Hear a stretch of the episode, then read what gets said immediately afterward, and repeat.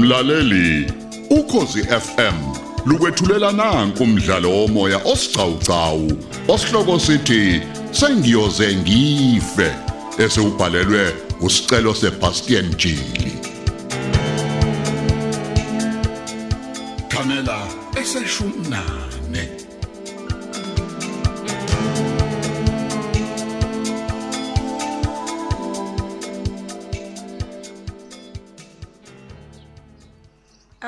ngavasha labantu ekade ngabagcina osomabhizinisi abahlonipheke kangaka.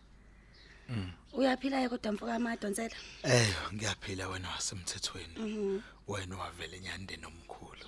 Uyazi kade ngibona iphephandaba la. Lithi uvelelwe nje inhlekelele yengozi washawa phela nemoto. Bebekukhombe ngala ke phela eRichmond le ngase ngase Donnybrook. Eh Donnybrook eh hayi njengoba ungibona nje ngiyaphila. Okusobala ukuthi bekuyingane kwane nje yonke lento bebeyikhuluma. Awuvele usho ungihlasele ngani namhlanje kuseni. Ahamba kahle wona amabhizinisi. Hayi hamba kahle inkosazana nomthemba amabhizinisi. Ikona ke nje ukuthi uma uke waboshwa hayi, uhlale umsolwa nje la eMzansi noma ungasenza ngalutho. Uyima kusho ukuthini mangabusho kanjalo? Eh inkosazana nomthemba. Yebo. Mhlaka 1 March. Mhm. Kwabanjwa imoto yemali. Ku Edendale Road. Ngilalela. Kodwa ngaphambi kwalokho mhla ka15 January. Mhm. Kuhlaselwe isiteshi samaphoyisa eMkungundlovu. Mhm. Kwashaqwa ibhamu. Hayibo. Awu Yes amaphoyisa aphucwa nje ibhamu zawo. Eh ayibo imake engathi ngiyakhumbula lezo igameko nomadonsela. Konje eh imake mangakubuza yini phona ekwenza ukuthi uqaphele wonke lama dates alezi igameko nje.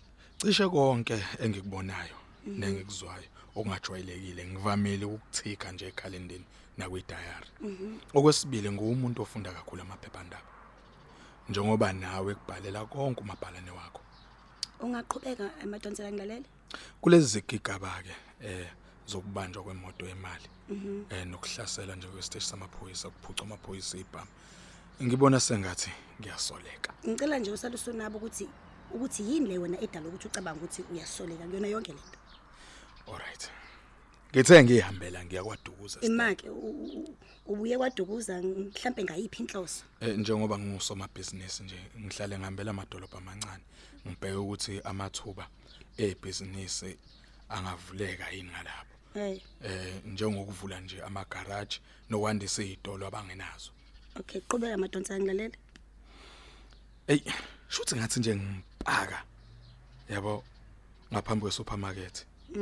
Mm. Eh mmemfu. Hayibo. Mm. Kuba ngithi umseshu unxele nje. Mhm. Wabe sethi uyangibopha ke. Uyangizwa njalo. Ima kwenzeke nini lokho? Uma ngabe ethi uyakubopha, ukubophela ini? Okay. Kwenzeka ngomhla ka16 Yeah. July. Akachazanga ke nokuthi ngibophelani. Ima kwavela wakuvalela nje ngakuchazela ngalutho. Ngabe ngiyezwa ukuba wathi ucela sixoxe kunemibuzo afuna ukungihloma yona. Futhi nje unxele wena ilungelo lokuthi ngaxhumana nami ngalolu daba. Mm. Hawu. Mm. mm. Uthe eqeda ukusho lokho nje ukuthi uyangibopha. Ehhe. Ey. Ngiyezwa kukhona into e- eqhuma nje sengathi udalmede Hayibo. uqhumisa idwala. Hayibo kahleni bo. Kanti kukhona ke esebedubula. Yabo ka- kanti badubula yena futhi unxa. Imake wo imamfa amadonsela. U- u- Ukuhlaselwa kanxele umnayi wena awubonanga nje ukuthi u- u- u- unxele uhlaselwe ubani? Awubonanga lutho nje wena. Hayi. Hayi cha. Hayi ngabe nginamanga. Ah ah, angizange ngibone. U- usho- Ngezwe nje ukuduma kwenganono nje. Eh. Yilokho nje e- engaku. Ima kusho ukuthi awubonanga noyedwa nje. Ngisho nje oyedwa noma nje yini noma yihlo kulawa abahlesela unxele. Cha lutho mmeli. Konke nje kwenzeka ngokusheshsha okukhulu. Uyangizwa le le ndlela eng- engizama ukuchaza ngayo. Hayi imake. O- Okusho ukuthi ukuboshwa kwakho ikona okwenza ubone sengathi uyasolakala kulamacala owashoya ngithi. Eh, eh, Imaki. Sikhona mhlambe yini esinye isizathu esiqinile e- e- esikwenza ukuthi ucabanga ukuthi wena ungumsolo. U- ukuthi ngenkathi kuhlasela ipolice station Yeah. kunomfana okuthiwa uJomba Ndlovu. Njomba nje. Oh yebo Okay. obevame nje eh ukulekelela lapha ebhizinisini la mphambili. Mhm. Eh, ngabuye ngamxosha ke. Manje uyena ke owayekhona kuhlasela istation. Oh. Wadubuleka wabuye wasinda. Manje ngiyabona ukuthi amaphoyisa abona ukuthi labafana basuke behamba nami. Oh. okwesibili esigamekweni sokubanjwa kwemoto yemali kunomfana okuthiwa uLucky Majosi washona lapho kwisini okay. Naye waye waye udriver nje wezinye zeimoto zami Okay. esithuthayo manje eh, ey ngiyazibonela nje ukuthi izinsolo zomthetho zigudla mina uqobo. La ngifuna ukusho la mnumzane Madonsela wenze likhulu ke iphutha ngokuthi ungangibikeli nje kusenesikhathi ngayo yonke lento obona ukuthi wena usolwa ngayo.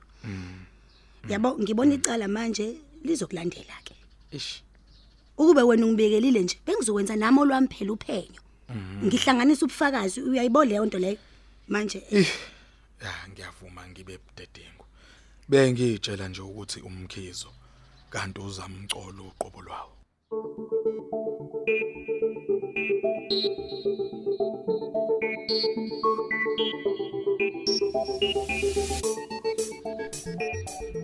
Awu. Ngavakashela wena namhlanje nana. Kusobala ukuthi umuntu uzosinda ngempela ke manje. Ay phela bengihlezi ngikubekile emkhulekweni ma. Afuthi ke nje ngiyajabula. Mangifica usesimene esithembisayo kanjena.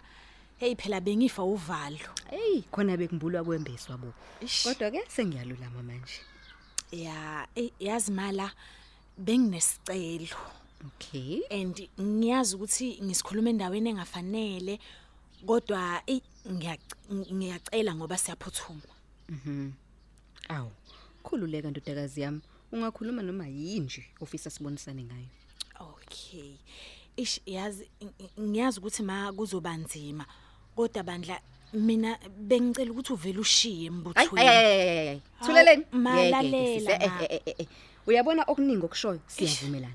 Kodwa lokho hayi ngeke ndodakazi. Ma. Phela mina ngenza isifungo. Mangase ngishiye nje kanjalo. Kofana nokuthi ngidayisa ngezwe phela ezigebengwini. Inhliziyo yami ibuhlungu wemama. Hayi thuleleni bakithi hayi hayi. Asemaningi ma amaphoyisa ebulawa zigelekeqe. Lo msebenzi wakho nje ubucayi kakhulu. Hayi. Mawami mina angifuni ngawe ngempela ngempela ngicela uyicabange lento. Phela wena uyigugu lami. Ish. Yazi ma ukuphila nje ngazi ukuthi ufunwa oshaya spam. Kwenza ukuthi ngingalali a- a- a- angibulali ubuthongo. Lalela ke mntanami. Khululeka wena. Uyabona umama engabe ephuma la? Mm. Ngiyawavalela lamaketshane.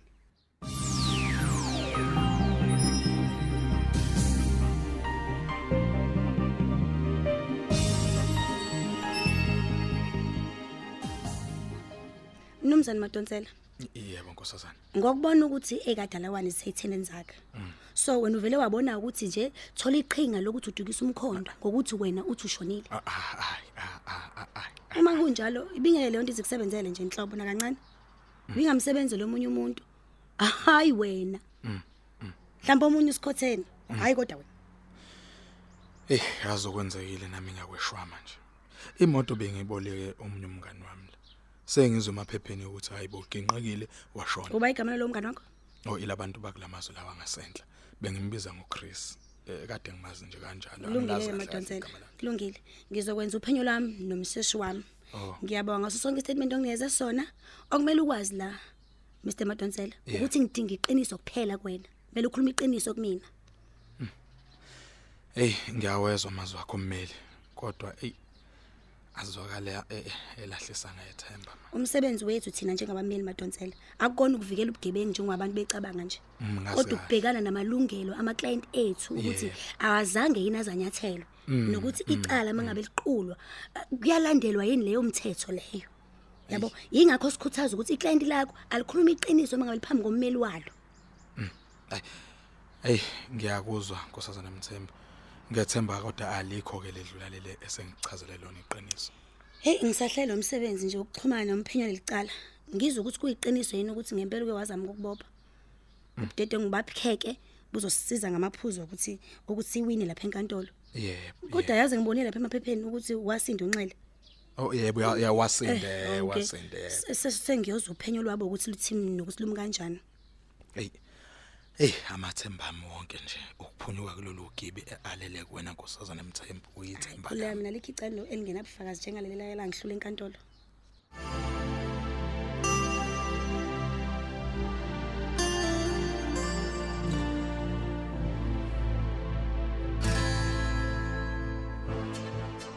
Hey Jomba bro wami. Aha. Awungijahele la. Yeah. Leli bhokisi elilingana nesitini esinikwa umkanyamba mawucabanga ngelani. Hayi hayi ndoda. Uyabona ke mina angijwayele nje ukusihlupha ngemibuzo engeke ngibe nazo nezimpendulo zakhona. Okwethu nje ukuthi siphephe kulamahata azizingelayo. Iyasincinza nayo lenyanga hey mfethu ukuhlukana no100000 kulona ubala hey hayi wendoda Hey, uyazi ngimzwethi leli bhokisi lizorentelwa njalo after 3 months. Okusho ukuthi njalo after 3 months kuhamba 100k habe habe habe habe masihlulekile ukuyifaka leyo mali.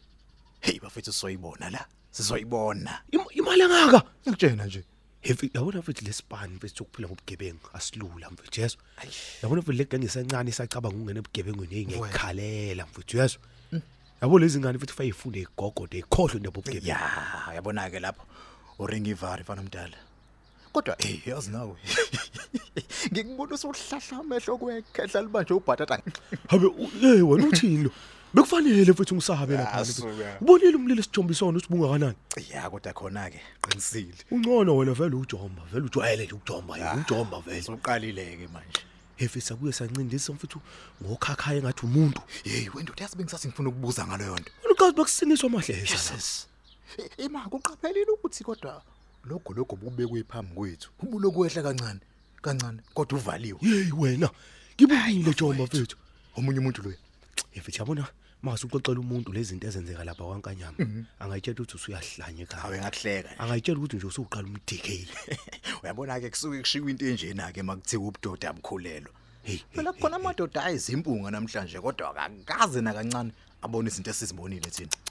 Yabona mfethu uma uyindoda uguguzwile. Hayi nkanyama uqobolayo le